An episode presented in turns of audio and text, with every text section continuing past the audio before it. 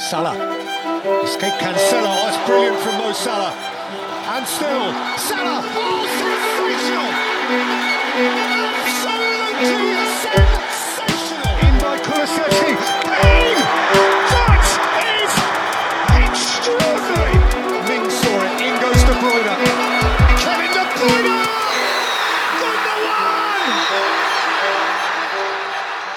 Hej allihopa och välkommen tillbaka till FPL ikväll. Vi är nu klara med Premier League-säsongen. Omgång 38 precis spelat och eh, ja, vi vet nu hur det har gått i FPL i år. Hur har det gått Gustav? Ja, men, eh, helt okej okay sista omgång får man väl ändå säga. Jag eh, byter ju kaptensbindeln från Harry Kane till Mohamed Salah med två minuter kvar till deadline. Eh, och det är klart att det, det är sådär. eh, kostar mig 11 poäng. Um, blir till slut en, en grön pil ändå på 52 pinnar eh, upp från 51 000 till 47 000. Eh, det hade jag ju tagit på förhand inför omgången. Eh, mitt, mitt enda mål jag hade att spela för egentligen var topp top 50 000 och det, det nådde vi. Sen, eh, sen hade jag väl inte tagit det om du hade erbjudit mig topp 50 000 inför säsongen, men, men så som det blev så, så får jag väl ändå vara, vara helt okej okay, nöjd med det, eh, trots då det, det lilla kaptenshaveriet där på slutet. Ja, och jag lyckades ju byta i sista minuten från Kane till Rashford och det var inte heller jättebra. Eh, det eh, ska ju sägas att Rashford hade väldigt många lägen i den här matchen men lyckades inte få in en boll. Um, och det var, ja jag hade ju en eh, miniliga där jag låg eh, 27 poäng efter en, en i ligan och jag hamnade en poäng efter i slutet. Så, ja, det var lite jobbigt, men jag, jag gjorde ändå en ganska bra omgång, tog 62 poäng. Um, minus 4 då, 58 och uh, klev upp från 113 000 till 90 000 ungefär. Så jag kom topp 100 000 för femte året i rad. Det är ändå, det är ändå nöjd med. Du plockade in Harvey Barnes, eller hur? Ja, exakt. Uh, jag var lite, jag ville inte plocka in Esse, eller jag, jag hade ju Esse um, som jag tänkte plocka in. Och sen så såg jag att jag hade alltså 0,0 till Harvey Barnes. Så jag, så här, jag, jag, jag har ju bra relation med Harvey Barnes. Måste jag, säga. jag, jag gillar ju han i FPL. Jag kände, ja men han har ändå en del att spela för mot West Ham. Och det, han gjorde ett mål men ingen bonus. Nej, såklart. Men eh, det, det, det känns nästan bra att han fick hålla i det. Eh, det hade varit lite synd, och, synd att förstöra det rekordet med att ta en bonus i sista omgången. Liksom. Mm. Så nu, nu blev det väl ändå 13 mål och inga bonus för honom i år, vilket ju faktiskt är helt sjukt. Vet du vem som tog näst mest poäng i mitt lag eh, den här omgången då? Efter Kane? Eh, jag skulle gissa på Rico Henry. ja, det är fint. Han snodde en bonuspoäng sent dessutom va? Ja, det är ju dock lite jobbigt att man sen det här byte man gjorde när man skulle ta in en Brentford-back som alla gjorde där och valde Rico Henry före Pinnock, att Pinnock har tre mål sedan dess. Jag är faktiskt ganska nöjd med Pinnock just denna omgången trots att jag inte har honom. Jag är faktiskt ganska övertygad om att det var hans mål som skickade in mig i topp 50 000. Mm. För att jag, jag kollade på live FPL och då låg jag, då var det typ 80-85 minuter, så precis innan City släppte in. Um, så låg jag 50,2 tusen kanske. Eh, och sen så blev då Ederson framförallt av med sin nolla och, och med tre bonus. Eh, så så eh, löste jag en topp 50 000 ändå så blev väl, mm. blev väl Pinnock man får tacka för det helt enkelt. Ja, jag satt ju med Ederson. Det var lite jobbigt att han släppte in det där målet faktiskt. Men eh, eh vad var det jag tänkte säga? Eh, nu har jag glömt vad jag tänkte säga, men det kom, jag kom på det sen i alla fall. Men att Pinnock gör tre mål istället för Rico Henry. Jo, just det, just det, jag kom på vad jag ska säga. Um, han som vann FBL, jag vet inte om du såg det här? Jo, det, det, det såg jag, men du kan dra det absolut. Det var ju sjukt faktiskt. Ja, att han som vann FPL vinner väl med, jag vet inte hur många poäng det var, det var inte jättemånga. Fyra. I alla fall. Fyra poäng. Och han som kommer tvåa har alltså Ivan Pinnock som första bänk va? Exakt, exakt. Med 15 poäng. Hur och sur... har Wilson i startelvan. Ja. Hur sur på sig själv hade man varit? Nej, alltså det, alltså det finns ju inte att förlora, förlora FPL-titeln på att man bänkar Pinnock och sen har du Wilson i elvan som hoppar in med 20 minuter kvar och blockerar de poängen. Um, det, det, är klart att man hade inte haft världens bästa relation till Pinnock efter det eh, om, man, om man torskar en FPL-titel på det. Nej, herregud alltså. Jag hade varit eh, lite frustrerad får man ändå säga. Men eh, ja, all in all tycker jag att det varit, alltså den här säsongen har varit eh, lite speciell i alla fall. Det känns som det har varit en väldigt lång säsong. Jag vet inte. Det känns som det var eh, länge sedan, eh, ja men typ att Trossard spelade i Brighton. Alltså det känns inte som det var den här säsongen. Alltså det, det har varit en väldigt, väldigt lång säsong. Ja, men det känns som vi fick två säsonger egentligen. Vi fick från omgång ett fram till VM och sen så fick vi en ny säsong efter VM. Um, ehm, och detta har ju fått, uh, fått en hel del konsekvenser. Dels, uh, dels uh, är ju min bild att det har bidragit till Eh, att eh, vi den här säsongen har fått ett template-lag som varit ännu starkare och att vi har fått fler lag som har sett, sett väldigt lika ut för att alla fick ett extra wildcard efter, efter VM ju. Eh, och det var väldigt liksom det var väldigt tydligt hur man kunde spela det här eh, på ett väldigt logiskt sätt i och med att, och som de flesta gjorde. Man byggde ett lag i omgång ett som skulle hålla fram till omgång åtta, omgång nio någonstans. Sen var det ett wildcard där. Sen behövde du bara det nya laget i åtta, nio omgångar. Eh, och sen fick du ett nytt wildcard. Eh, och sen så höll du det laget i nio omgångar innan folk drog wildcard i omgång 26. Och sen så det blev väldigt liksom, man behövde aldrig gå så länge utan att få möjligheten att bygga om hela sitt lag.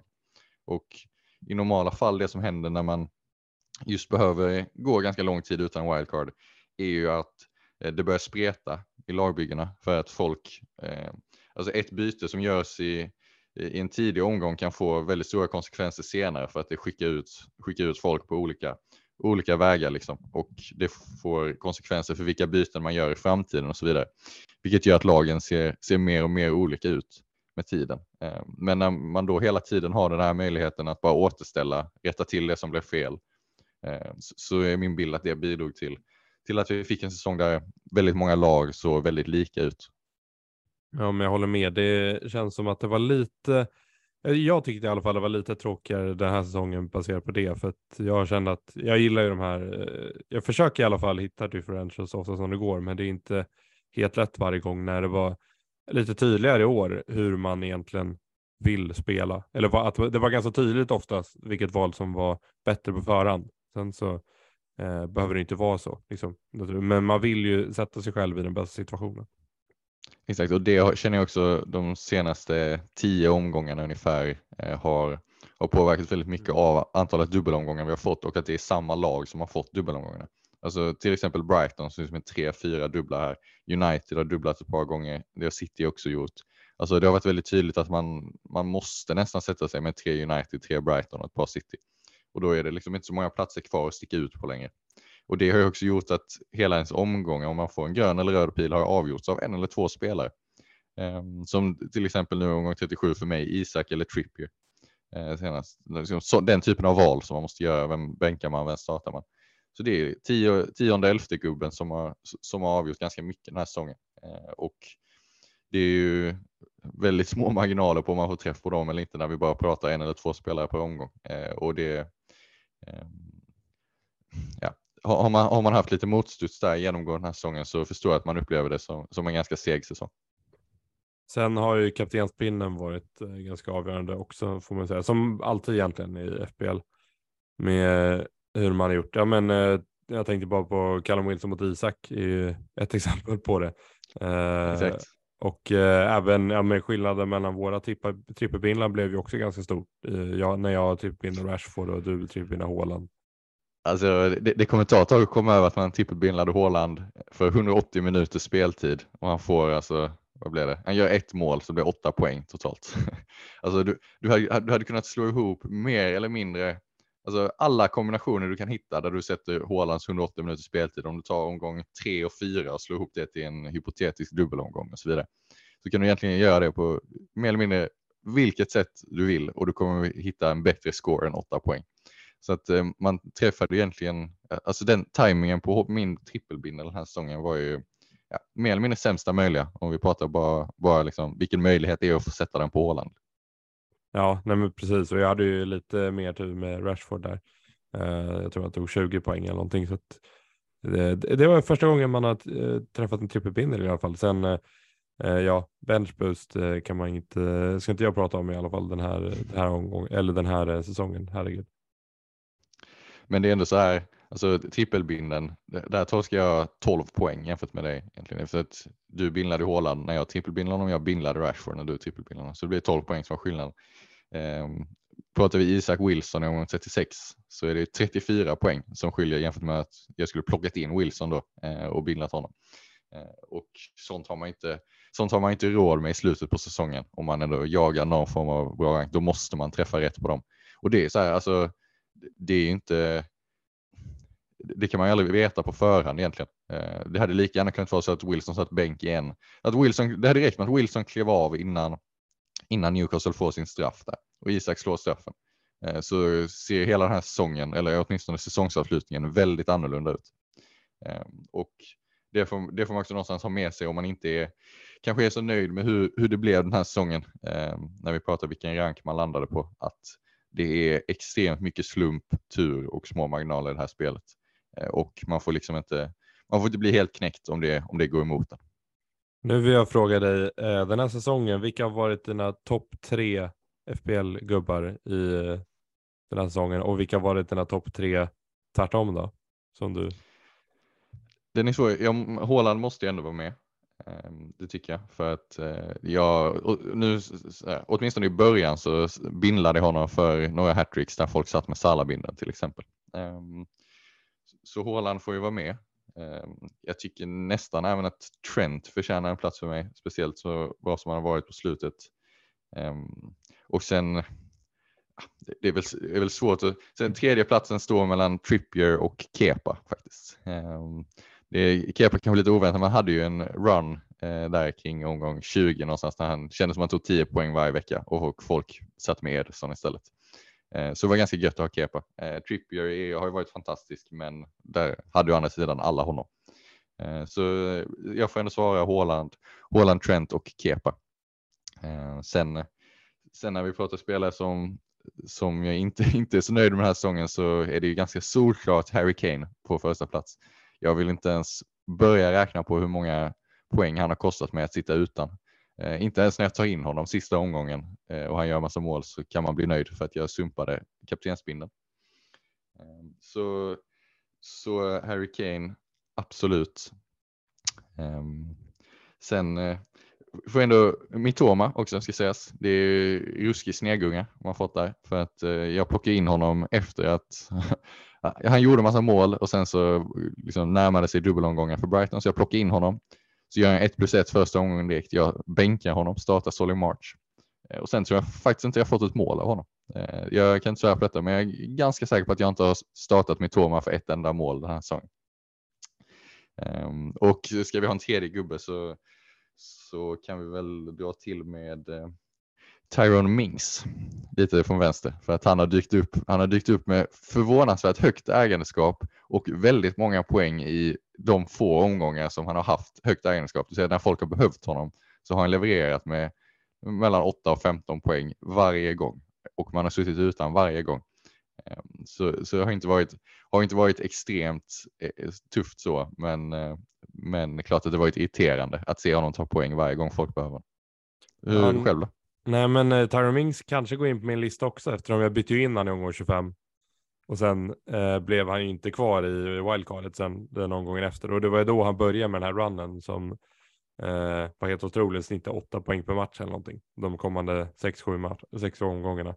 Vilket man inte riktigt trodde om Tyron Mings. Kepa, är, ja, Kepa kanske man eh, har med. Eh, en när jag kollar tillbaka i min historik i Dominic Solanke faktiskt. Eh, som hade en liten run där i eh, runt omgång 10 eh, där med, när han gjorde 8 poäng och sen 12 poäng. Och han hade en ganska, ganska bra run eh, när inte många hade han. Ehm, sen en annan spelare som vanligtvis brukar verkligen vara ett hatobjekt i min eh, FBL-säsong, är, fast faktiskt gjorde det ganska bra för mig, var Wilfred Zaha i år. Ehm, det är inte han, vanligt han har ju en speciell plats i min absolut sämsta omgång den här säsongen, det vill säga den precis avslutande inför VM. Jag hade en omgångsrank på 10 miljoner, eh, bland annat missade Sahas straff och tog noll poäng. Eh, jag tror jag landade den omgången på 23 poäng eller sånt. Antingen var det 27 minus 4 eller 23 minus 4, jag kommer inte riktigt ihåg. Eh, men i alla fall en, en katastrofal röd pil, omgångsrank på 10 miljoner Danny Ward på bänken med 11 poäng. Eh, och, och sen behövde jag stirra på den röda pilen hela VM-uppehållet. Ehm, så det, det tackar vi ju inte Zaha för hans bidrag i den. I den. Nej, eh, Mitoma är väl någon att nämna som jag inte heller varit så glad med. Solly March har jag varit bättre med eh, den här säsongen. Eh, men även eh, ja, Almiron måste man nästan nämna i början. Ja, där. jag, jag, jag, tänkte bolla upp honom faktiskt, jag inser att jag glömde det. Han ska ju absolut platsa på en topp tre-lista. Eh, hur, hur han på något sätt lyckades göra mål varje vecka, det, det, det kommer jag inte förstå och att det faktiskt ändå blev ganska högt ägandeskap på honom till slut så att de målen blev ju ganska viktiga till slut hur Almiron skulle prestera eh, och eh, han fortsatte göra mål, fram att man tog in honom såklart. Då, då tog det slut. Ja, och eh, sen får jag väl får jag klassa Spurs wingbacks i en och samma. Alltså Perisic och Doherty. Det, ja, det, där har jag inte haft tur ska jag säga. Med, I och med att Doherty lämnade ligan precis när jag bytte innan. Och eh, Perisic Du plockade in honom och sen rev de hans kontrakt direkt. Ja, det var inte, inte jättetur. Och eh, ja, sen annars är det, vem är det mer som har varit min gubbe? Alltså, men jag får väl ändå nämna Madison i och med att han räddade min, eh, alltså räddade mitt eh, mående eh, där i omgång nio. När Haaland gjorde hattrick. Ehm, Jo, Du bindlade inte Åland utan bindlade Madison. Ja, och så hade Madison matchen kvar på måndag. Och ja, jag, jag var helt förstörd för Haaland hade ju tagit 23 poäng. Och alla satt med binden på Haaland. Och sen tog Madison ändå, vad tog han, 18 poäng. Så det är ändå, han räddade upp det ganska mycket. Ja, nej, alltså det, det, det har varit en konstig säsong på ganska många sätt. Jag eh, hade ju en, en period precis innan VM eh, med några väldigt tuffa omgångar och sen en tio veckors eller tio omgångars lång period egentligen efter VM eh, där jag rörde mig mellan 100 000 och 200 000 egentligen utslutande. Eh, så stod mer eller mindre still i tio omgångar. Det är klart, det har man inte heller råd med riktigt om, om man ska nå de riktigt, riktigt bra positionerna. Eh, men där, under den perioden så började jag faktiskt känna att det här är inte så kul. För att man satt med lag som såg väldigt lika ut eh, med alla andras.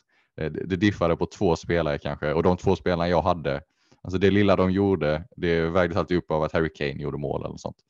Så det blev alltid en mer eller mindre grå pil. Det hände ingenting med ranken åt något håll.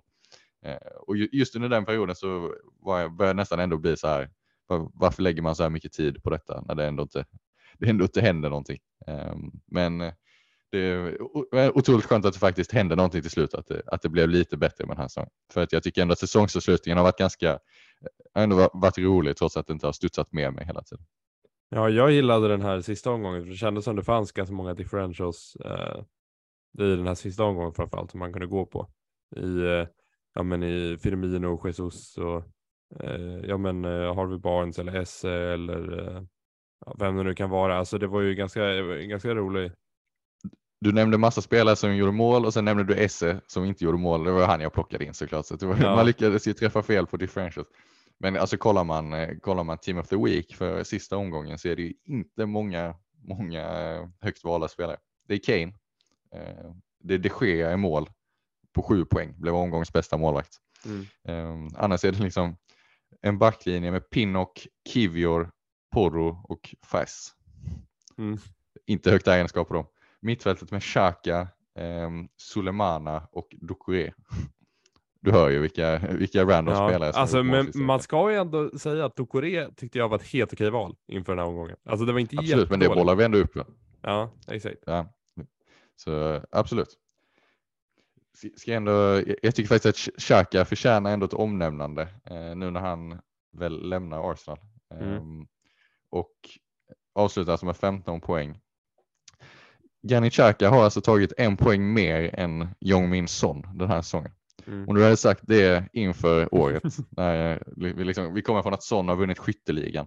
Och sen säger det, ja men Xhaka, han tar fler poäng än Son i år. Eh, det, man hade blivit så utskrattad från ett sånt påstående så att det, det är fortfarande svårt att tro att det, att det faktiskt stämmer. Ja, nej, verkligen.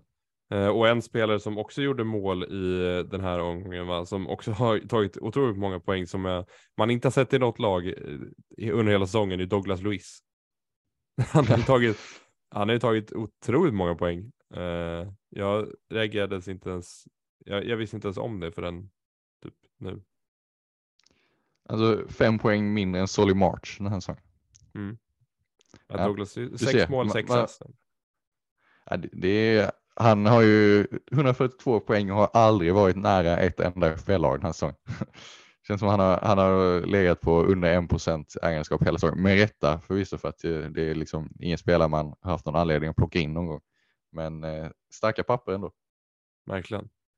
Eh, och det som var lite frustrerande var att jag valde lite Har alltså Harvey Barnes när jag skulle plocka in honom. Jag valde också att kolla på Jacob Ramsey.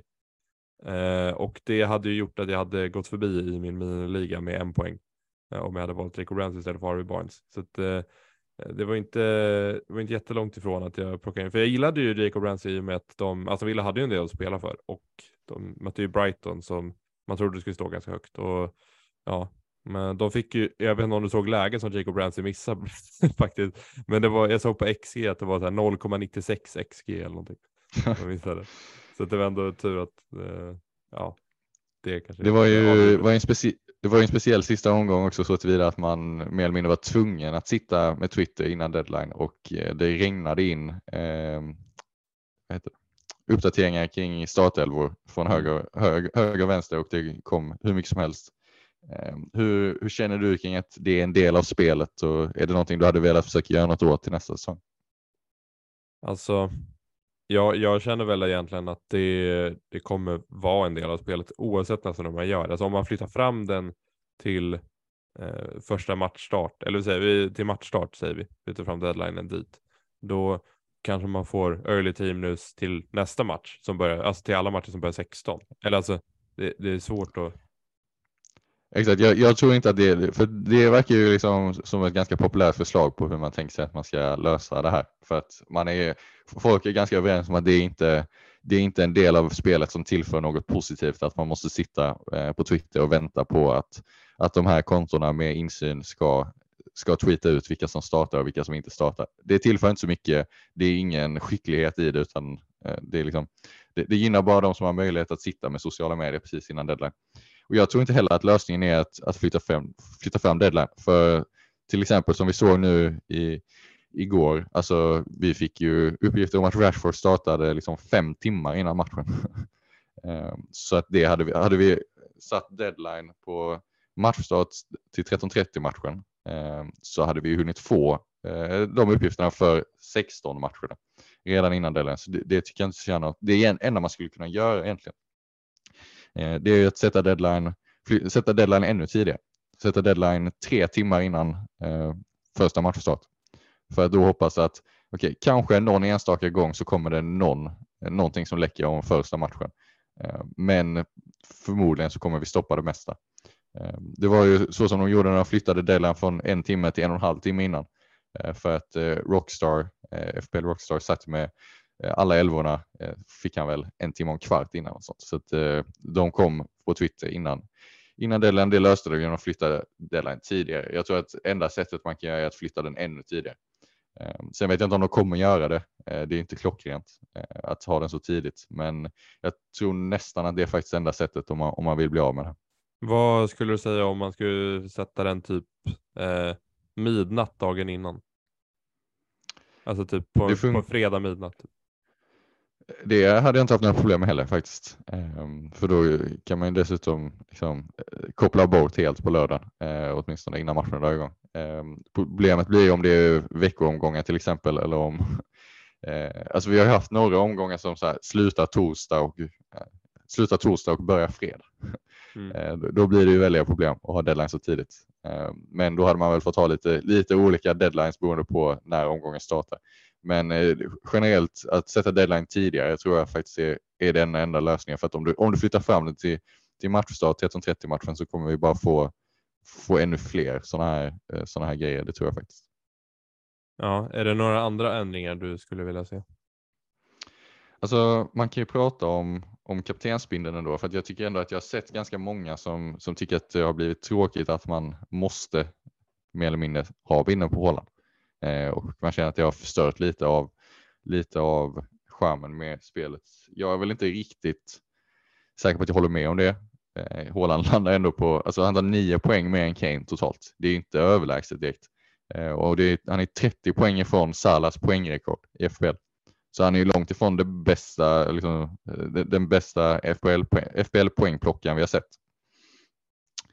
Men alltså så här, och då bollas upp förslag som att okej, okay, men vi ger vice, eh, den man sätter vice kaptensbindeln på får en och en halv gånger poängen så att det ger någon effekt också så att man ska ha lite fler beslut att fatta och det inte ska bli så tråkigt med Haaland kapten hela tiden. Men samtidigt tycker jag om vi kollar på de sista sista 6, 7, 8 omgångarna så tycker jag nästan att de som har gjort det allra bäst har ju knappt bindlat Haaland ur de här, utan man har liksom hitt, kunnat hitta andra bindlar. Så att, eh, där är jag inte, inte så säker på att jag hade velat se förändring. Vad, vad känner du där? Ja, alltså det är ju väldigt sällan en spelare är i form i 38 omgångar i Premier League. Alltså du, du kommer ju switcha. Det, så är det ju. Och baserat på dubbelomgångar och schemat och så här. Och jag känner väl egentligen att jag, jag vill typ ha kvar det som det är just nu. Eh, jag känner inte jag känner inte att jag brinner för någon jättestor förändring i det här, även fast det kanske verkar bli det. Men eh, jag vet inte riktigt vad det skulle kunna vara heller, för det är också svårt att ändra grejer i FPL i och med att det är 10 miljoner som kör spelet och alla ska verkligen försöka förstå vad det handlar om. Eh, för FPL är ju väldigt eh, enkelt att förstå hur, vad som ska göras och hur man byter spelare och så här. Och om du sen börjar göra det mer komplicerat då kanske du tappar en del av den eh, massan som spelar FPL. Exakt, för det är en del av skärmen med FPL att eh, om du tar liksom, vad man får poäng för till exempel. Det är extremt enkelt och extremt tydligt. Det är inte, alltså, man ser förslag då och då som handlar om att okay, men vi, vi, ger, vi ska liksom bygga upp något system för, för poäng utdelade för lyckade passningar eller för brytningar eller för massa andra eh, statistiker som till exempel gynnar defensiva mittfältare så att de kan bli liksom relevanta i FPL, i FPL. Men då, då bygger man också upp en mer komplex eh, poäng, eh, alltså utdelning av poäng i FPL och jag är inte säker på att det hade, eh, är någonting som den, den stora massan hade upplevt som, som positivt. Jag tror att det hade kunnat leda till lite förvirring och att man hade, FPL hade tappat användare, vilket också är varför jag inte tror att de kommer göra något sånt, utan jag tror att i stor, till stora delar så kommer vi se, eh, åtminstone när det gäller poäng och vad man får poäng för, så kommer det se ganska likt ut. Ehm, men det är som du säger, det är, det är ganska enkelt spel att förstå om man anstränger sig lite och jag tror inte att de kommer vilja ändra så extremt mycket på det. Däremot, ehm, hur, hur tänker vi kring, kring chipsen? Benchboost till exempel, är det ett, ett chip som du tänker att man måste, måste behålla? Alltså, jag vet inte, jag tycker benchboost är lite kul om man kan planera för det, men det är ju inte jätteeffektivt. Ehm, det är ju vissa som pratar om att man ska köra eh, ja men typ limitless. Eh, finns väl något chip som har varit i andra fantasy eh, spel där man kör alltså free hit fast du har oändligt med budget egentligen. Eh, och det hade ju varit eh, kanske lite overpowered nästan. Eh, jag vet inte. Alltså, du, dunkar ut en dubbelomgång när Liverpool och City och United dubblar så kan du få ihop ett, ett, ett jäkla lag och det är klart att det är lite lockande. Alltså, så här, det, det, är lite kul att ha en omgång per säsong där man bara får gå all out och köra och bara maxa laget. Eh, och, det är ju roligt så, men som du säger, det vet jag inte om de kommer införa heller för att det blir ju ett, ett väldigt, väldigt, väldigt viktigt chip och det kommer ju eh, kanske få lite, lite för stor påverkan. Jag tror att, att benchboost potentiellt är ett chip som de, de kommer göra sig av med någon gång i framtiden. Jag vet inte om det blir till nästa säsong, men även om jag kan hålla med om att det, det, det finns en charm med benchboost och, och att det är kul att sitta och planera inför den, även om det typ aldrig funkar. Eh, men däremot så är, är min bild att den allmänna uppfattningen är att benchboost är ett väldigt tråkigt chip för att man inte gillar att man behöver sitta och planera för det och det aldrig funkar. Eh, och just, just baserat på den, den allmänna opinionen där kring benchboost så tror jag att det är ett chip som ligger i, i farzon här. Eh, vad skulle du säga nu? Det här är bara en idé jag kom på. Eh, om, man skulle, om FBL skulle lägga till en sextonde spelare som skulle kunna vara målvakt, back, försvar eller så här, eh, mittfältare, anfallare, alltså i en position så att den inte är låst till en position och så är det en sextonde spelare. Hur skulle du se på det? Alltså helt fel behöver det inte vara i och med att det skapar också liksom lite, det är ett till element och det blir lite mer att hålla koll på. Jag tror dock inte att de kommer göra det för att det, också liksom, det, det är en för stor förändring jämfört med grunderna i FBL och med hur, hur systemet fungerar. Det är väldigt tydligt att du ska ta ut din elva och sen har du en bänk. Eh, lägger du till en, en extra spelare som kan vara lite vad som helst så tror jag att liksom, eh, det, det, återigen, den stora massan kan uppfatta det som rörigt. Jag personligen kan tycka att det hade varit en ganska rolig idé. Um, I och med att det blir också, jag kan tänka mig att det hade blivit en gubbe man kan sticka ut lite med, att du kan ha, du kan ha en plats som du drar lite roliga chansningar med och så vidare. Uh, men uh, det är klart att jag har svårt att se att de, de ska implementera något sånt. Ja, nej men det förstår jag. Eh, har, vi något, eh, har vi något mer du vill ta upp innan vi rundar av? Nej, om vi bara tar en, eh, en lite snabb blick till, till omgång ett till nästa säsong. Är det, är det några spelare du känner att de här är givna? Ja, alltså den mest målfarliga spelaren i ligan, Taivo Avoni, är ju eh, given. Nej, men eh, sex mål på fyra matcher senaste. Eh, det är imponerande ändå, får man säga, i eh, slutet av säsongen. Absolut, men eh, jag kommer i alla fall säga att den mest målfarliga, den mest målfarliga spelaren i ligan är också given i mitt lag, även om jag skulle hävda att det är Håland. um, det känns ju som att han kommer sitta med, e, egentligen oavsett pris, alltså även om de sätter honom till 14 miljoner eller sånt, så, så känns det som att han kommer sitta där med 85 procent ägandeskap nu. Mm. Ja, vad tror vi för prislapp? Mellan 13 och 14, mm. någonstans där. Ja, det är väl typ det. Och det alla kommer ju sitta där ändå och vi kommer ju säga så här, ja, vad dyra priser är i början, eh, omgång ett. Kommer alla sitta och vad dyra priser är och så blir det som den här säsongen att man knappt behöver en budget ibland.